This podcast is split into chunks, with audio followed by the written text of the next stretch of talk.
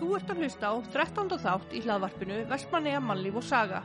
Þættirni byrtast á hverjum fymtudegi á eia.net og einnig á helstu hlaðvarpsveitum. Hægt er að fylgjast með okkur á Facebook og Instagram. Í dag munum við ræða við Svanhildi Eiríksdóttur um líf hennar og störf. Svanhildur er fætt 2. november 1997.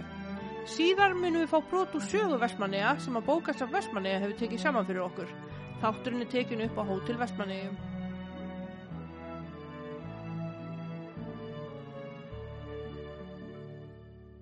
Sæl Svanhildur Eiríksdóttir og velkomin í þáttin okkar. Takk fyrir það, Alma. Hérna, hver er Svanhildur? Vá, þegar stort spurt. Um, Svanhildur er bara rauðhærð ung stúlka úr Vestmannu Já. sem að hefur sjaldan látið lítið fyrir sér fara. Mm Uh, bara fætt á uppalinn hérna heima. Átt bara rosalega góða og hérna fína æsku. Vá, ég veit ekkert hvað ég að segja. þetta er svo, svo háfleg spurning. Um, ég fættist á spítalum í Vasmunum árið 1997 og fór á kirkjugerði þegar ég var yngst. mm. Gekk síðan í Hamarskólan Já. og var í fymtabekk þegar að Hamarskóla og Barnaskóli saminuðust í grunnskóla Vasmunja. Hmm.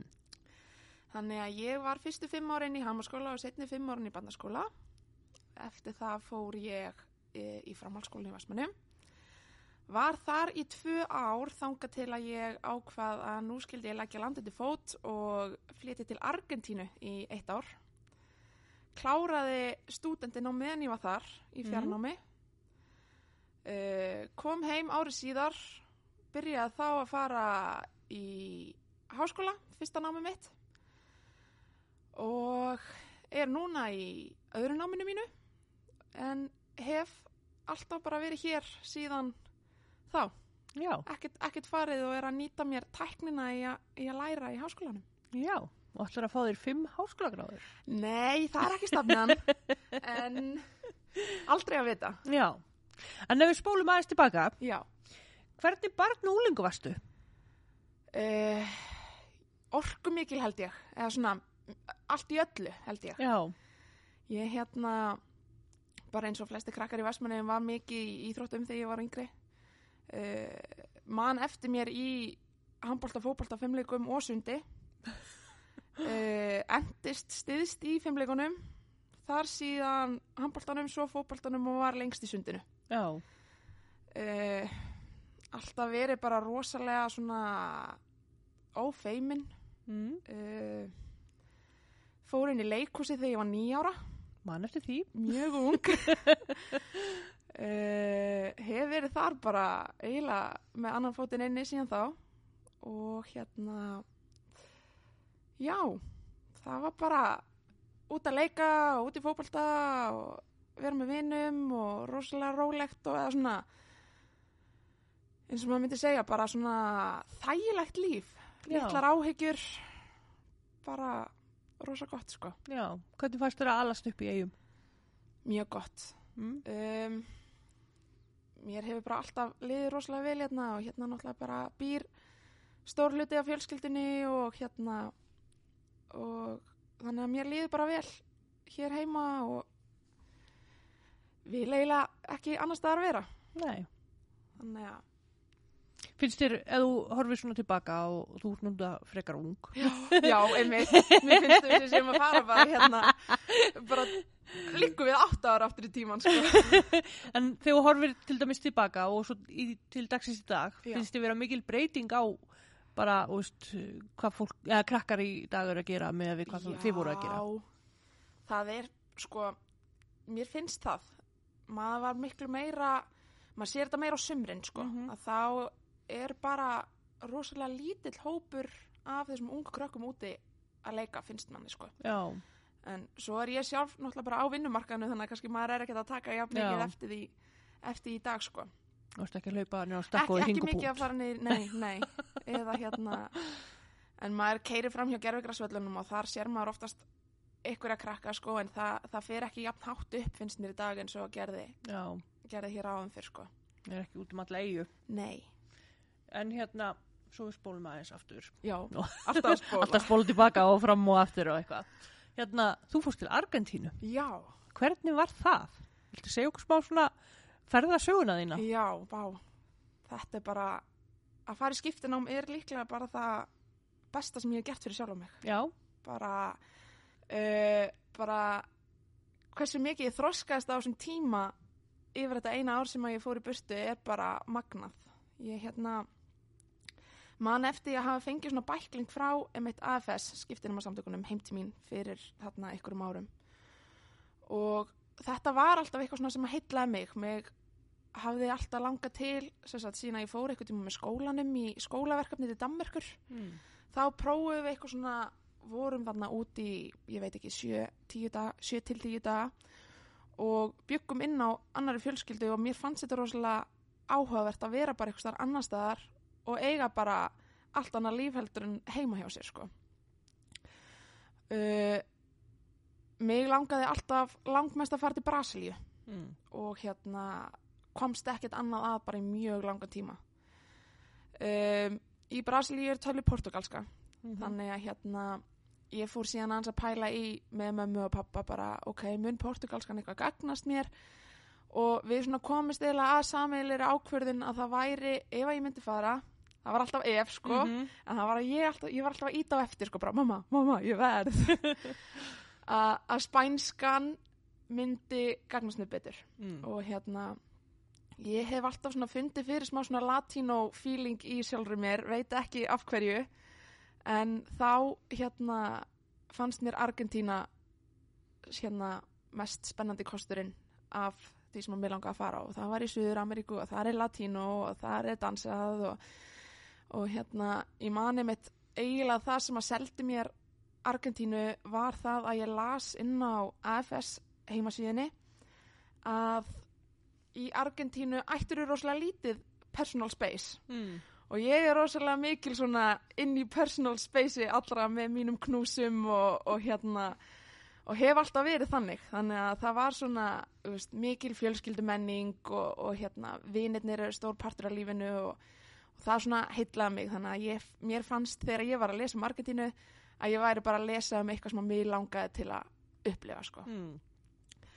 og ég fór hérna út 17 ára og hérna bjó í Argentínu í 11 mánu varð 18 ára úti þannig að ég var alveg á síðasta sjans í raun að fara í svona skiptinám Mhm. en ég hefði ekki viljað fara fyrra því að þetta er bara svo mögnuð lífsreynsla að bara búa að og, og upplifa og kynntist sjálfur mér alveg bara hrikalega vel Mhm. náttúrulega líka alveg heimþrá eftir þegar að spennufallið er dottið eftir þess að svona 2, 3, 4 mánuði sko Já.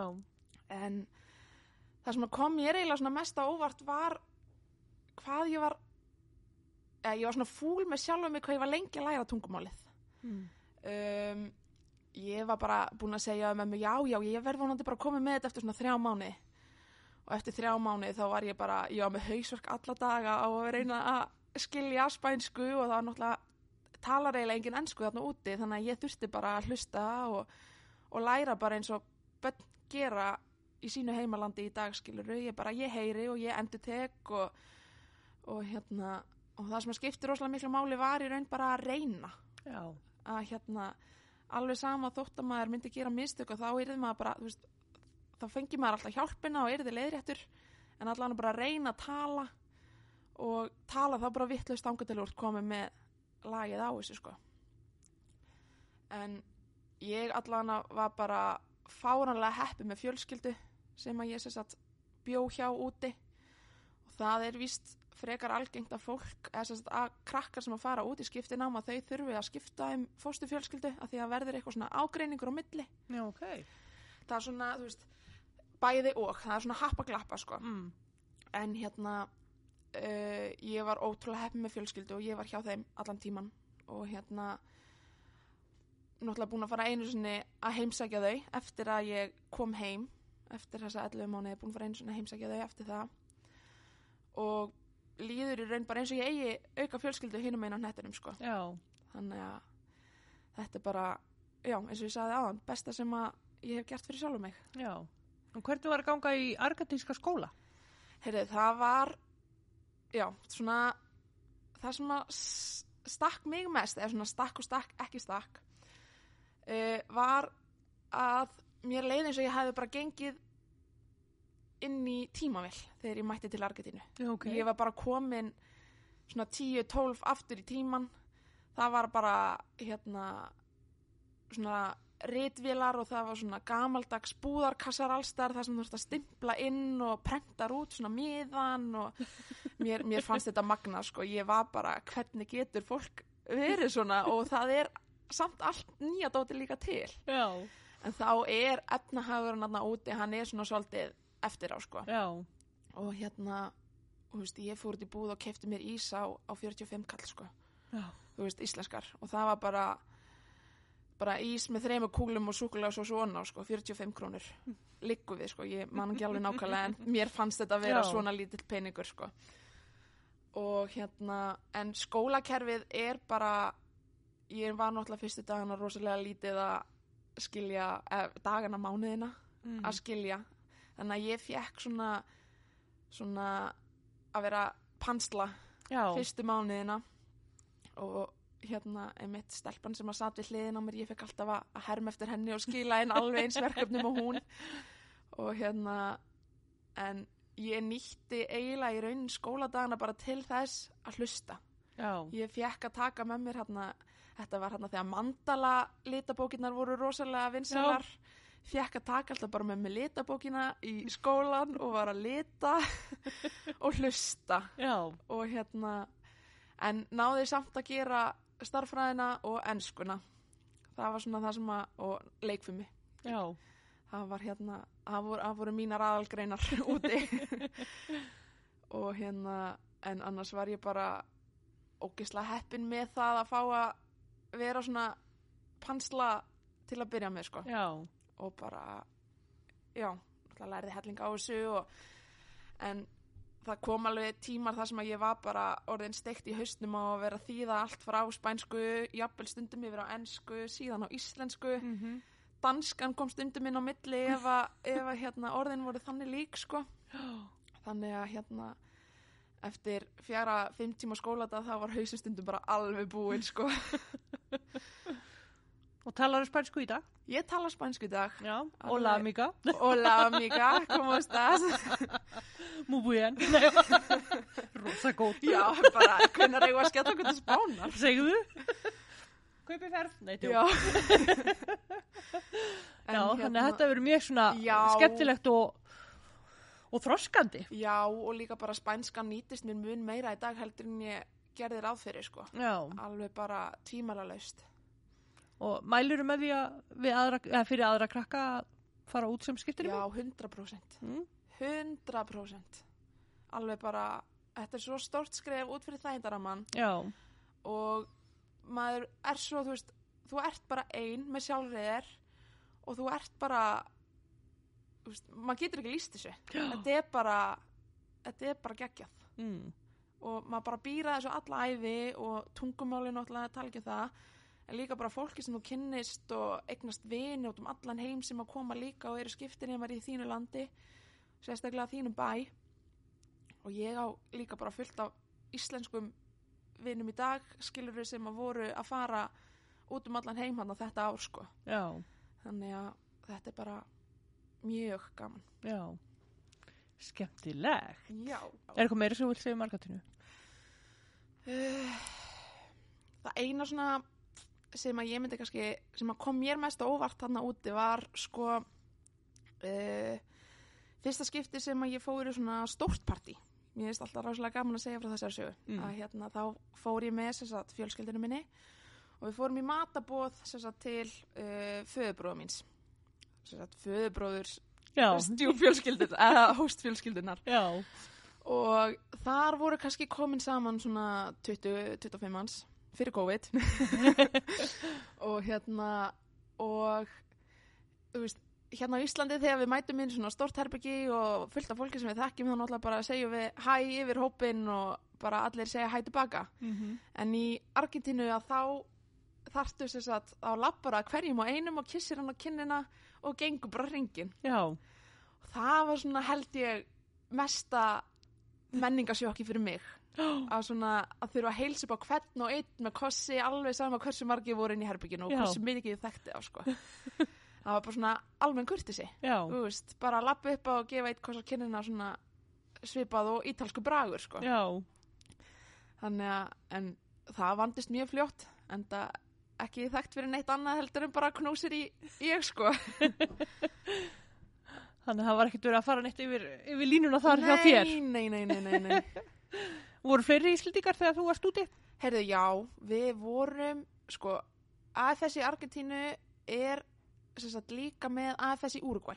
Þannig að Ok. við vorum minni með 6 eða 7 sem að fórum til Argentínu og einn til Uruguay. Já, og við tókum öll flug saman sem sagt bara frá Keflæk og hérna og til New York þar skildust leiðir, við fórum til Argentínu og hún til Uruguay en hérna ég mitt ég var búin að segja á þannig að ég var svo mikið að ít á mömmu bara, mamma viltu please leifa mér þetta, mér langar þetta svo mikið og ég bara, ég Mm. talaði ekki um annað og ég, þú veist, þegar ég fór að sofa þú veist, fyrir þetta áður en að ég var búin að ákveða að ég ætlaði að fara ég lá í rúminu og ég var að skoða AFS síðuna örgulega bara marga, marga vikur í röð sko bara hvernig þetta væri og mm. ég, þú veist, mér langaði þetta svo mikið já, en svo um leið og ég var sko komin í flugvélina og var að taka á loft til New York bara frá Íslandi þá bara, þá fekk ég yfir mig bara svona wow, ég er ekki að fara að sjá mömmu minn og pappa og fjölskyldin og vini bara í 11 mánuði, Já. bara hvað er ég að gera en þetta er bara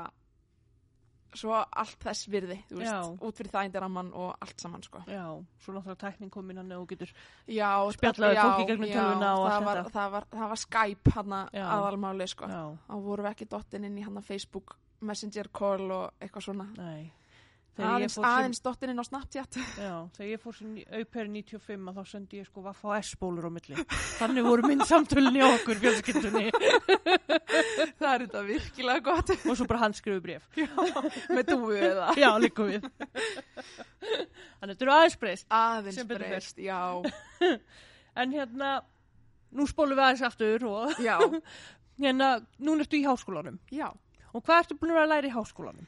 herðu, uh, þegar ég kom frá Argentínu þá kom ég heim bara í júli og þá var sagt nýbúið að vera að kynna eitthvað nýtt nám hérna sem að átti að tengjast við sko Vestmannaebæ, Háskólinni Reykjavík og Háskólinu Akureyri.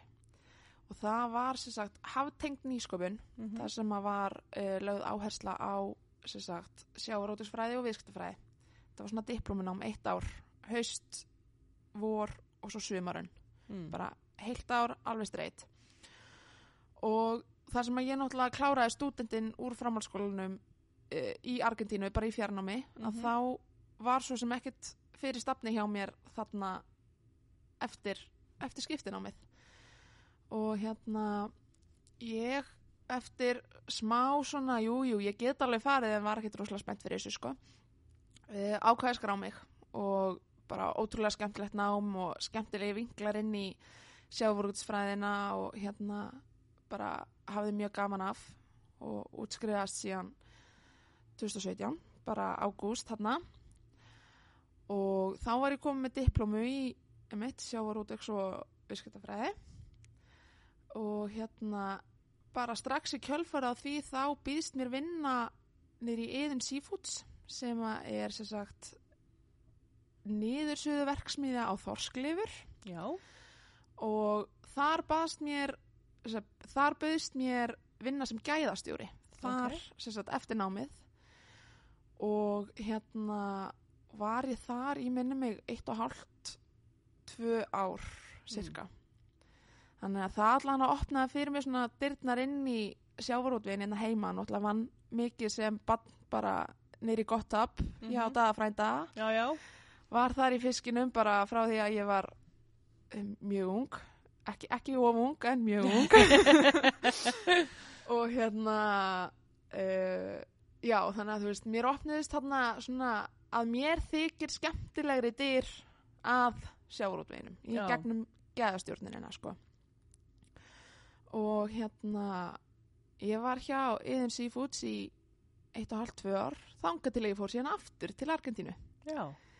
þá sem sagt uh, fór ég bara aftur til þeirra í heimsók Mm. og var hjá þeim yfir áramót Já, ok. ákvaða hérna bara verja jólunum og, og áramótunum með þeim hann úti og, og komast aðeins í burtu frá hérna íslenska vetrinum Já. af því að þegar það er vetur hér þá er glampandi sól og sumar hjá þeim í Argentínu Já. þannig að ég fór og heimsótti þau aftur uh, og var hjá þeim í einn mánuð og hérna, en það líka sýnir bara þú veist, þetta var í alvörinni bara eins og fjölskylda mín Já. þannig að ég var mjög, bara tveimur og hálfum ári eftir að ég fór frá þeim, komin aftur út Já. og þú veist, þetta er alveg langt ferðarlag ég held að, ég held að þetta sé kringum 52 tímar með byð í millilanda Já. stoppi sko 52 tíma ferðarlag frá. Íslandi eða frá Keflæk og alveg í heimabæin minn í Já. Aðeins. Já En svo er ég komið núna í, í nýtt nám svo við höldum áfram að tala um námið Já. og núna er ég í Íþróttafræði Já, ok. við Háskólinni Reykjavík og hérna bara líkar ótrúlega vel gekk ótrúlega vel á fyrstu önninni Já. náðin að forseta listan sem er sem sagt, hæsta meðalengunin hjá þeim sem eru í náminu yfir önnina Vel gert. takk, Til hamingju. takk mikil vinna sem að ligg- lá þar að baki Já. um, og er núna öðru sem sagt, annari önninni og klára þá núna rétt eftir páskana þá er ég búið með fyrsta árið Já. Þannig að Það er nú að gera. það er nóg að gera á bænum sko. Já. Svo ertu að þjálfa sundið ekki. Jú, Já. það, maður er allt í öllu Og ertu að þjálfa okkur en degi eða? e, Alla virkadaga, já Já, dugnaður í þér. Já, það er það þarf að þjálfa þessu börn. Já. það þarf að kenna þeim að synda. Búum á eigu og eru margir að þjálfa? Herði, nei, ég er yfirþjálfari Já. og síðan er ég með tvær skvísur sem að hérna aðstofa mig með fyrsta vanabekkin það er hérna Auðbjörg og Súsanna þær hjálpa mér með, með fyrsta og annan bekk. En annars er ég bara ein í harkinu. Ein í harkinu. það er líka bara ótrúlega gaman. Ég hef, þetta er bara með því skemmtilega sem ég gerir sko það, þetta er eiginlega svona það sem að heldur mér ennþá í vestmannum, það er sundið og leikhúsið þegar ég hef tíma fyrir það Já. Og svo skólinn. já, og skólinn sko, ég, ég gæti alveg verið í bænum en, en það er svona sundið sem að sem sagt, veist, ég gæti verið í Reykjavík í Írtafræðinu þar en hérna, en sundið heldur mér svona svolítið heima og maður tímir ekki alveg að stíga frá því sko Já. Finnst þú að hafa grætt eitthvað á því að alast upp í verspanum? Já, það er náttúrulega það er stutt í allt hérna. Já. og það, lítið stress.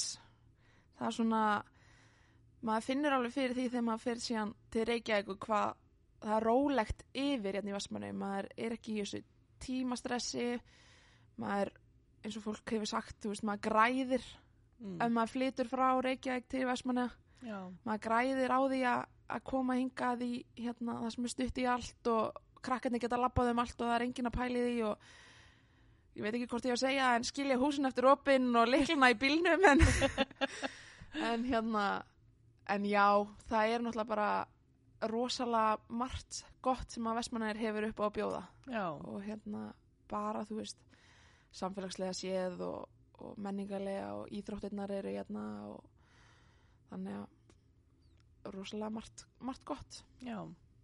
Sérðu þið búa hér bara í framtíðinni? Já, ég Já. geri það Mm. geri það sko um, hef alltaf verið rosalega heimakær fyrir hann að utan þetta eina ári í Argentínu en Já. mér líður mér líður rosalega vel hérna í kringu fjöllin og sjóin og í gúan og lyktinni og En finnst þér eitthvað ábúta vant hérna? Uh, Vá, það er stort spurt um, Mér eiginlega bara ég veit ekki hvort ég á að segja skrítið eða sorglegt að hérna bæði ég og mamma séum fættar í Vestmannum og í dag þegar allt er til alls og tæknin er orðin eins og hún er að þá er ekki hægt að eignast börnina heima það þarf alltaf að fara upp á land til þess að fæða Já. það er svona það sem að kannski svona stingum mig mest Mm. að hérna að fyrst þetta var hægt fyrir 23 árum pluss pluss mörg ári viðbóta já, mér finnst þetta svolítið svona að ég veit ekki, skref aftur og bakk sko. Já. mér langar bara í göng Já. þetta keirt hvina sem er ég vil Já. eða hvina sem ég vil á milli og, og þurfa ekki að pæla í hvort það sé flóðið að fjara eða Já. Færtu það ekki? einmitt. Hvað gerir þú þér til gamans í dag? í dag, Mm.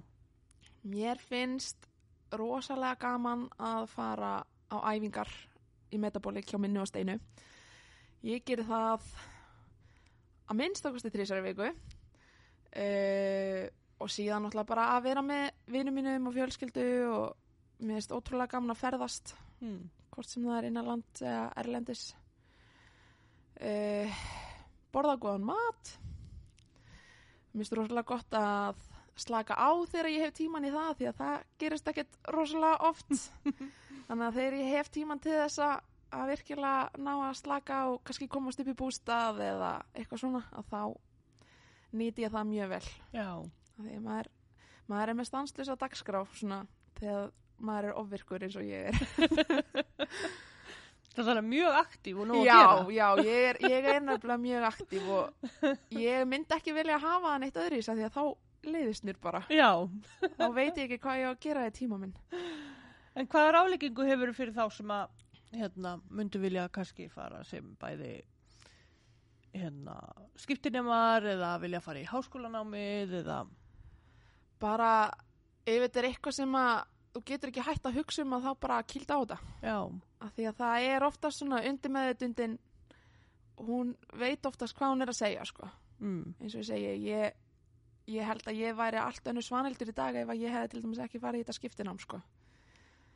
og hérna og bara líka að nýta tæknin í dag eins og í námi bý Vestmannaugum en er í námi við háskólinni Reykjavík reyndar frábært hjá Vestmannabæ að bjóða upp á það það er svona nýtt verkefni í gangi að Mm. hérna að prófa íþróttafræðina hérna í eigum þannig að hérna frábært að að búa til þessa gönguleið inn í háskólan í þessu samfélagi. Já, þess að þurfa að fara upp á land og svona. já, já, akkurat.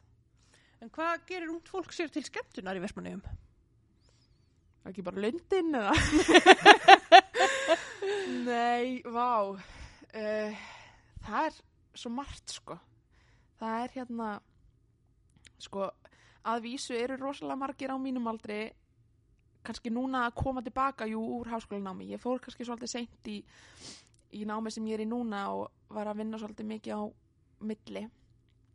Um, þannig að það er kannski nokkur að koma svona tilbaka á þessum aldri sem að ég er núna.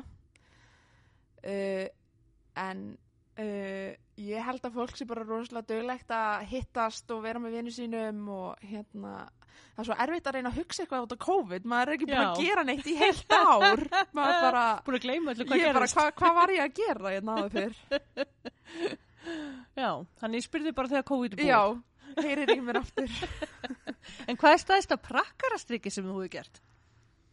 Vá, ég er engin prakkari þannig sé sko.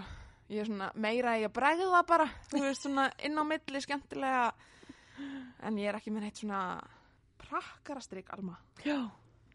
Þú hefur ekki gert neitt af þér, ertu bara engill. Sko, já, ég held ándjóks að sé bara rúslega lítið sem ég hef gert. Mm. Uh, nema bara svona að reyna að ná fólki í eitt gott öskur þegar það var síst vonaði. um, annars náði ég þegar ég var í Argentínu þá náði ég einu sinni sískinu mínum á, á 1. apríl að Já. þá leti ég snúast alveg heila hringi kringum húsið þangað til að ég föttuð að þau væru bara að stíga yfir þröskulda út á 1. apríl sko en lítið annað en það sko Bara stilt og góð stúlka. já, Já. Ertu í svingklúpnum? ég var. þá er maður ekki eiga maka til þess Líka það alvarleg. Herði, já, við hérna Oh my god Ég var, þetta var að lása við. Alveg nýbúin að segja hvað var stilt og eitthvað og svo bara, já, ég hérna er í, Ah. er í klúpnum. Það. En hérna, ég er að spá hvort að ég maður reyna að koma eitthvað inn á að ég sé ekki á grímkokk núna. Já, Eftir að ég hætti hjá... já. Skal bara spurja þig að því, hvað er þetta að gera núna? Býta, vatn. ég sé ekki að skilja hann eftir. er já, hérna...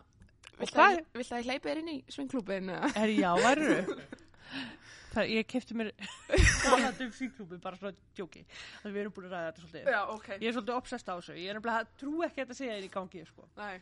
En ég kefti hérna svona fjölnóta póka í hérna í krónundaginn og þetta er bara hana í körfinu og þeir eru bara svona Já, innbakkaðir. já, já, já. svo opnaði ég og teku upp og bara fokk, og ég var bara að fljóta höndul í hann og hlaup út í bíl með hann því að það var ekkert nema ananas á honum Oh my god. þú veist, Oh eftir my Eiríksborg God. Umræðina, þá var ég bara Mætt, mætt í hagkup út á nesi. já, Ó, þetta er ekkert eðlilega gott, sko. Hörru, já en hvað ertu að gera núna? Herðu, í dag þá er ég í námi Já, uh, í Íþróttafræði.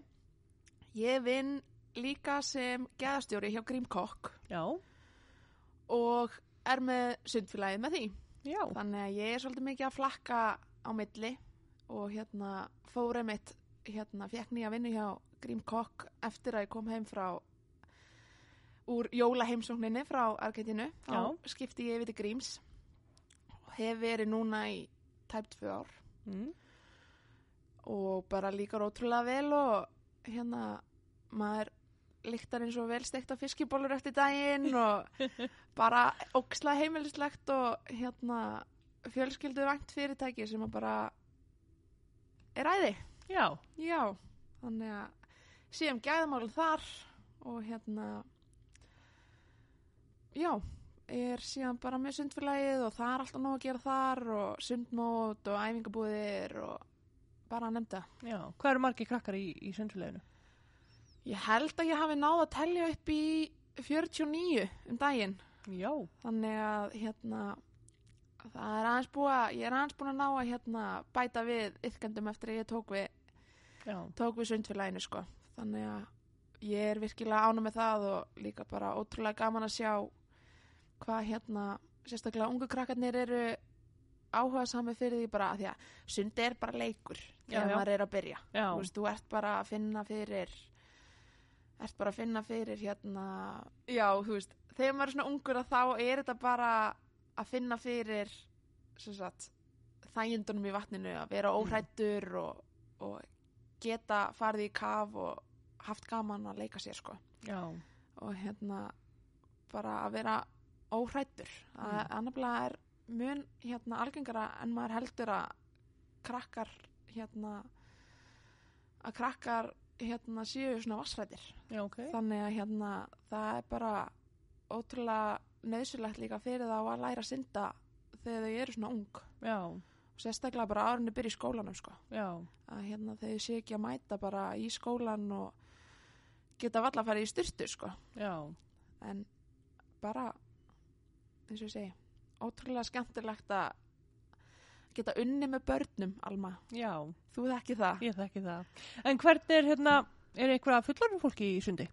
heyrðu já, við erum svona tildulega nýbyrjuð með svona garpanámskeið. Já, og þar hef ég verið að ég held að ég sé búið með þrjú þannig námskeið og þá hafa bara fólk á öllum aldri fengið að koma á sex vikna námskeið hjá okkur. Mm. og hérna alveg sama þóttu séu gamlir sundgarpar frá því voru börn og úlingar eða bara algjörlega byrjandur Mm og þá erum við bara með bara að læra að synda, þú veist, að læra að synda og synda uh, bara undir handleyslu þjálfara. Og hérna veist, þá veistu líka miklu betur hvernig þú getur nýtt sundi betur sem hreyfingu og hérna, fólk heldur stundum að sundið eigi að vera svo mikið puð. Já, en þetta er í raun bara um leiður komið tæknina og veist hvað átt að gera þá verður hreyfingin svo miklu auðveldari. Já, að hérna, þú veist, þú getur farið að gera synda bara 20, 30, 40 ferðir kannski bara eftir sex vikur eins og núna var ég með ótrúlega skemmtileg hjón hjá mér á síðasta námskeiði. Og þau voru bara sprungin eftir tvær til fjóra ferðir sko eftir fyrsta, fyrstu æfinguna. Mm. og svo um leið og maður er farin að að benda á og segja til að já, þú veist, taktu lengra takk, gríftu lengra fram veist, láttu þið renna betur annað þessari hlið Mm. og um leið og við vita hvernig þau eiga að synda til þess að láta þetta vera meira effortless svo ég leiði mér að, að hérna að segja það á ennsku að hérna að þá er það bara gæfi munurinn og bara allt annað að sjá þau hérna að lókum þessum sex viknu þá voru þau bara komin gáttu bara synd og synd og synd og synd sko já, þurftu bara að stoppa það af. já, þannig að veist það skiptir rosalega miklu máli að einmitt bara að fá rétta tilsögn sko Já. Og eru þetta margir sem hafa verið að sækja þessi námskeið? Já, það er svona hef, hefði meiga vera fleiri Já, já. en hérna en bara ótrúlega gaman að fólk sína þessu áhuga og hérna og vilji fá að vera og, Mm. og finna sér nýja íþrótt svona þegar maður er orðin eldri sko Já, að hérna þetta er líka bara svo ótrúlega góð alliða hreyfing fyrir líkamann já. að vera í sundi og þetta er ekkert það er ekkert hérna álaga á liði og hérna hnið og mjadmir og ekkert að hoppa og skoppa veist þetta er bara allt svo mjúkt og Já, virkilega góð hreyfing bara fyrir alla í samankvæmni standi líkamlega þú ert sko já. Og er eitthvað hérna á döfinni að vera með þetta námskeið aftur? já, stefnum á bara aftur í haust Já.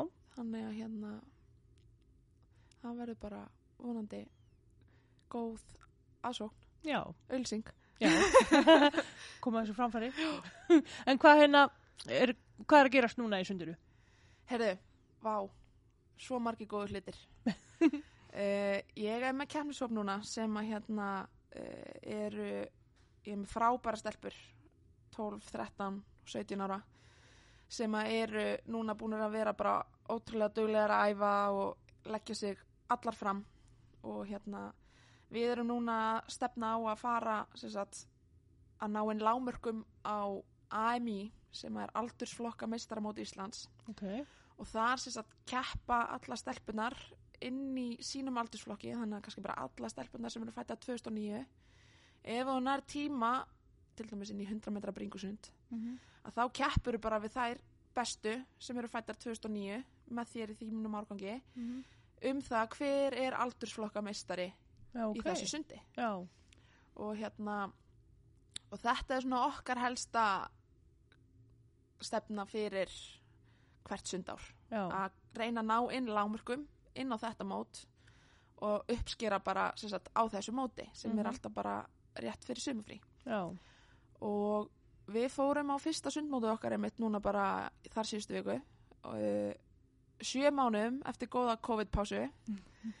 Og hérna og þar náði helmingurinn inn á þetta AMI og allar hinar voru bara grátlega nálægt í að náði líka. Allt frá bara minna en sekundu og upp í fimm sekundur Já. þannig að veist það er alltaf bara svona stabíl tími sem að þær þurfa að ná til þess að komast inn á þetta sundmót og hérna bara ótrúlega skemmtilegt Já. og svo er náttúrulega bara litlu dúlina mínar sem eru í fyrsta til fymta bekk og þær eru bara náttúrulega alltaf að mæta og, og verða betri með hverjum deginum og leggja harta að sér og hérna svo er þetta bara ótrúlega skemmtileg vinna eins og ég segi, þetta er bara mér finnst svo gaman að kenna að, veist, að þjálfa sund. Og einmitt, minnist þess ofta að mamma saði við mig sko þegar ég var yngri bara já, svo aldrei þú verið kennari. Og ég bara ekki séns, mér finnst svo leðilegt að kenna. Og þá var mamma sko að tala um skólakennara. Já.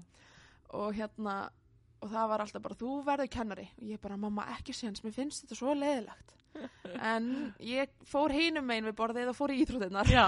og fór að þjálfa og já, þetta er bara eins og segi, með því skemmtilega sem ég geri og þess vegna líka er ég að sækja mér íþróttafræði gráðina Já. til þess að bara geta leiðbent betur og Hvað áttu eftir mikið að náminu þínu?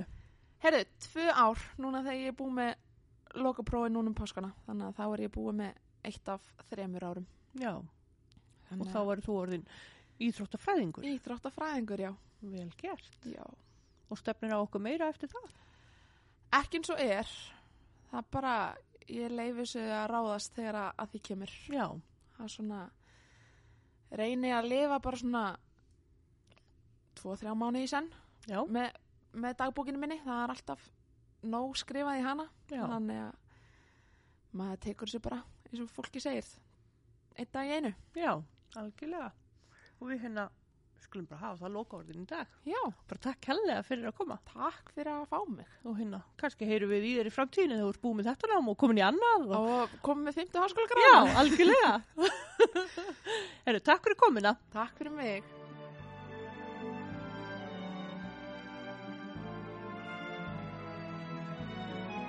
Nú fáum við að hverfa aftur til ásins 1950.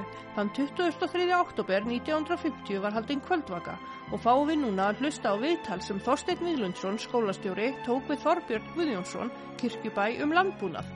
Þorbjörn var fættur 7. oktober 1891 og lést 23. november 1974. Þetta eru sögubrót í bóði bókasans Vestmanneja. Hægt er að afla sér nánari upplýsinga um fyrirnefnt fólk á heimasló.is. Þá hefst hér smá þáttur um landbúnað eigabúa. Þorbjörn Guðjónsson bóndi að kirkjubæ í eigum svara nokkrum spurningum.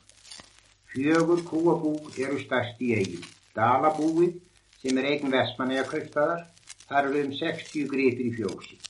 Hábæjarbúið, eigin Helga Bindilssonar, þar eru um 30 gripir í fjósi. Búð Þorbjörna Guðjónssonar með 21 grip og Lingfells búið sem er nýbíli með 11 hektara lands. Það eru 12 gripir og 500 hænsni. Auk þess garðrækt. Eigandi er Guðlugur Guttánsson.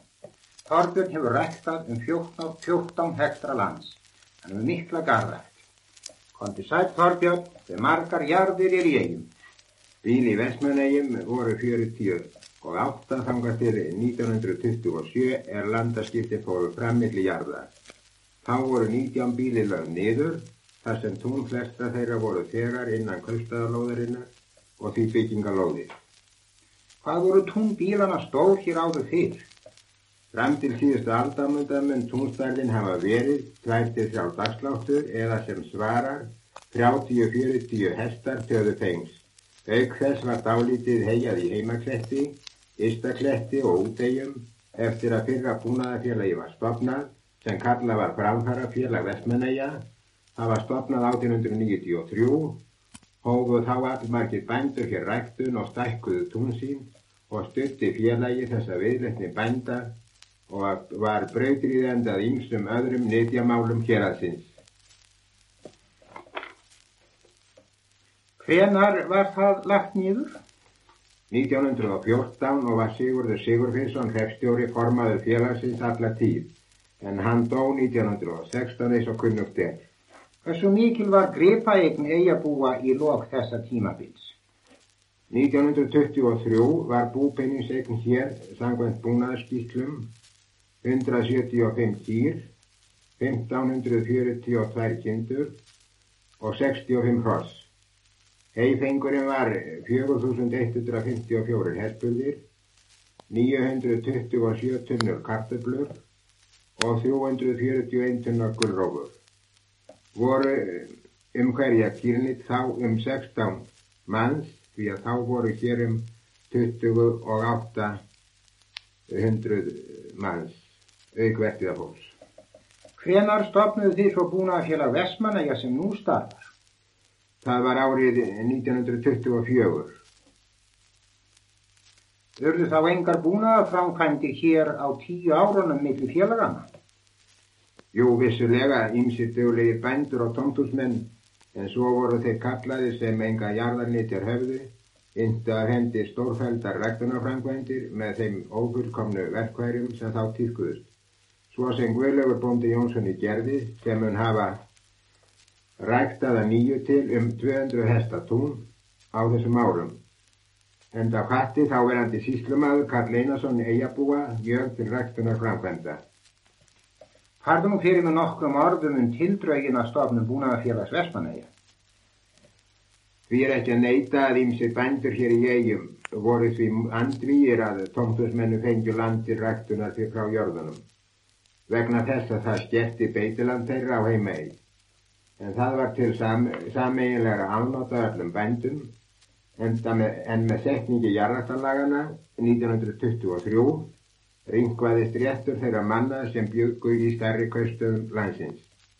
Þar sem eh, lögin beilinni sé heimiluði bæjarfélögum að láta fara fram mælingu og aðtugun á óræktuðu randi í nákvæmni kaustöðanar og taka jarðir og ábúð ef um semdist og nota landið svo til ræktunar handa almenningi. Á þessum árum var mjög mikil mjölkurskortur hér í eigum. Hverjir voru fyrstu forgungumenn búin að félags vestmanæja? Já, aðal hvata maður á stofnun búnaðarfélagsins var Pál Bjarnarsson skólastjóri í barnaskólans en það munar manna best hafa skilið mjölkur þarf alminnings vegna stöðu sinna og samvist af börnin. Segðu okkur nú frá helstu framfaramálum sem búnaðarfélag Vestmanæja beitti sér fyrir í fyrstu. Þegar á fyrsta ári kefti búnaðarfélagi pló og herfi og ímiskonar handverkværi. Þessi verkværi voru lánuð félagsmennum og voru mikið notuð. Jafnlega þessu beitti búnaðarfélagi sér fyrir betri hýrðingu áburðar, til dæmis því að lána jarræktamennum timbur í steipum og þakgröfja. Þessi hlunniti notuðu sér margir til að koma upp áburðargengslu, en áburðinu var nógur þar sem að fisklógi var. Þetta framtak jarræktamanna hér vakti aðtilli fórustumanna búnaðarmála út um land, þá hófu búnaðarfélagið innkaupa fyrir félagsmenn sína á tilbúnum áburði, fóðurvörum, útsæði og gyrðingarefni. Hverji skipuðu fyrstu stjórn búnaðarfélags Vestmanæja?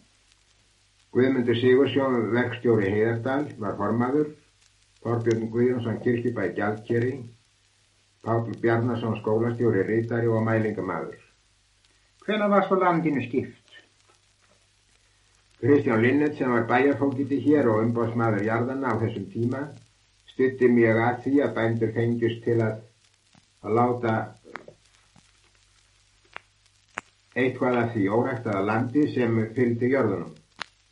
Fyrir atbeina bæjarfókita og stjórnar búnaðarfélagsins var Sigurður Sigursson búnaðarmálastjóri fenginingað 1926 til að semja við bændur um landaskipti og aðtuga ræktunum möguleika. Þessi förans bar þann árangur að samkomlega náðustu bændur hér um skiptingu á órættuðu landi á heimægi og framkvæmdi Pálmi Einarsson landámsstjóri skiptin árið eftir. Hver jörn fjekk um 8 hektara lands en 19 jarðir voru lagða nýður eins og ég segði áðan. Útlöndum þessara jarða var skipt í eins og 20 hektara skákir handa almenningi. Áratögin 1920 til 1930 var mikið heikjeft hingað og næsveitunum. Þeir heimfluttingar voru miklu mervileikum bunnir, það sem þurfti að sækja á haflausa söðuströld landsins en það hlaust af stundum mann tjóð og má fullir það að þessi, þessir erfiðu flutningar hafi kvart mjög eigabúa til auðinar ræktunar framkvæmda. Og svo hófuð þið þá ræktun í stórum stíl. Á þessum árum fóra að flytjast til landsins stórvirku jarðirkjutæki, dráttarvélarnar og samti búnaðarfélag Vestmanæja við Helga Benuninsson búfræðing að Vesturúsum í eigum að taka að sér jarðræktarvinnu fyrir félagsmenn. Með stöðningi búnaðarfélagsins kefti Helgi dráttarvél með verkværum og hóm með henni jarðvinslu. Hafði hann þess að vinna á hendi mörg ár og óættir að fullir það að Helgi Benónísson á drúga hlutild í þeim miklu tónleika sem var hér á þessum árum. Þá var á fyrir atbeina þingvans Vesmanæja Jóhann Þátt Jósessonar lagður ræktunarvegur um ræktunarlöndin með styrk úr vikisjóði. Hver margar kýr urðu hér flestar eftir þessi miklu jarðræktar ár? 1938 mun kúatalan hafa verið hér um 360 Heifengurinn 12 til 13.000 testburðir. Garðrækt óst mjög mikil á þessum árum. Hvernig er búið hér það herrans ár 1950?